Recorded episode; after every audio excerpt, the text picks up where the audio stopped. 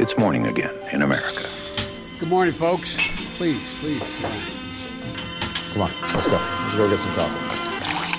Thank you very much. Det er onsdag 22. januar, det er tolv dager igjen til caucus-valget i Iowa, og morgenkaffen er servert.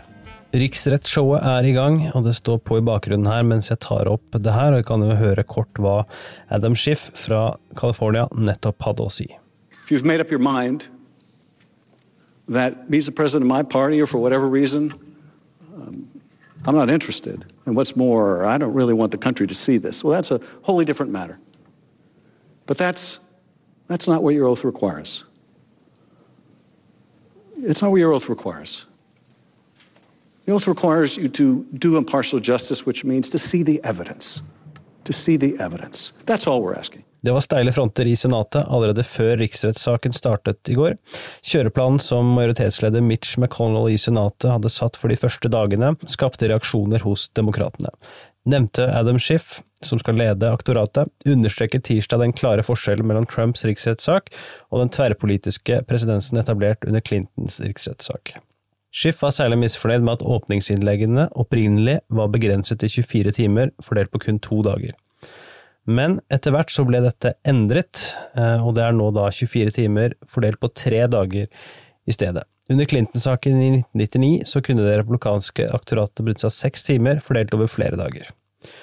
Trumps forsvar vil likeledes få tre dager til sine åpningsargumenter, og deretter er det satt av 16 timer der senatorene i skriftlig form kan stille spørsmål.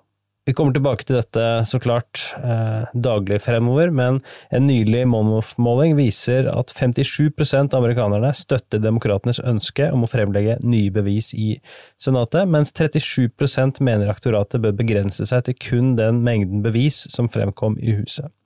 538.com sitt gjennomsnitt viser for øvrig at 49,9 støtter riksrettssaken mot Trump, mens 45,9 ikke støtter den. Republicans have said we should deal with the question of witnesses later in the trial. Of course, it makes no sense to hear both sides present their case first and then afterward decide if the Senate should hear evidence. The evidence is supposed to inform arguments, not come after they're completed. Dagens andre sak, litt inside baseball. Elizabeth Warren har plukket opp flere tidligere Booker-støttespillere i Iowa. og Det er jo noe alle disse kampanjene forsøker på. Idet noen faller fra, så ønsker de da å sikre seg deres team og støttespillere. Og her er det snakk om uh, to delstatsrepresentanter som uh, har blitt ettertrakta når alle disse presidentkandidatene har kommet til uh, delstaten. De er da fra Polk County, det er sentralt og stort i Iowa, eh, og Warren håper jo med dette å framstå som en slags forenende demokratisk kandidat i Iowa. Det gjelder også de andre kandidatene, og idet det kun er tolv dager igjen, så er det helt åpent her. Eh, og det er akkurat det som gjør det såpass spennende. Dagens siste sak. Bloomberg flytter reklamefokuset over til riksrett, som nå er i gang. It's time for the Senate to act and remove Trump from office. And if they won't do their jobs this November, you and I will. I forbindelse med denne riksrettssaken så vil da den tidligere New York-borgermesteren Mike Bloomberg rulle ut nye TV-reklamer, som da krever å fjerne president Trump fra embetet. Og denne taktikken føyer seg inn i rekken av en mye bredere kampanje som ikke bare sentrerer seg rundt kandidaten Mike Bloomberg, men som også da skal styrke demokratenes samlede sjanser mot Trump under valget.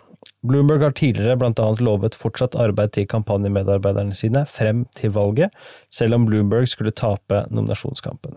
Kampanjen fra Bloomberg vil i enkelte stater kunne være et nyttig pressmiddel mot sårbare republikanske senatorer som står på valg i 2020. Dette inkluderer annet Susan Collins i Maine, Corey Gardner i Colorado, Martha McSally i Arizona og Tom Tillis i North Carolina. Dagens utgave av Morgenkaffen er servert av Henrik Skotte og undertegnede Are Togflaten. Du abonnerer, gå til ampol.no kaffen, og med det sagt, 2020, vår andre podkast, er ute med en ny episode i dag, og der tar vi for oss alt du trenger å vite om nominasjonskampen som straks sparkes i gang.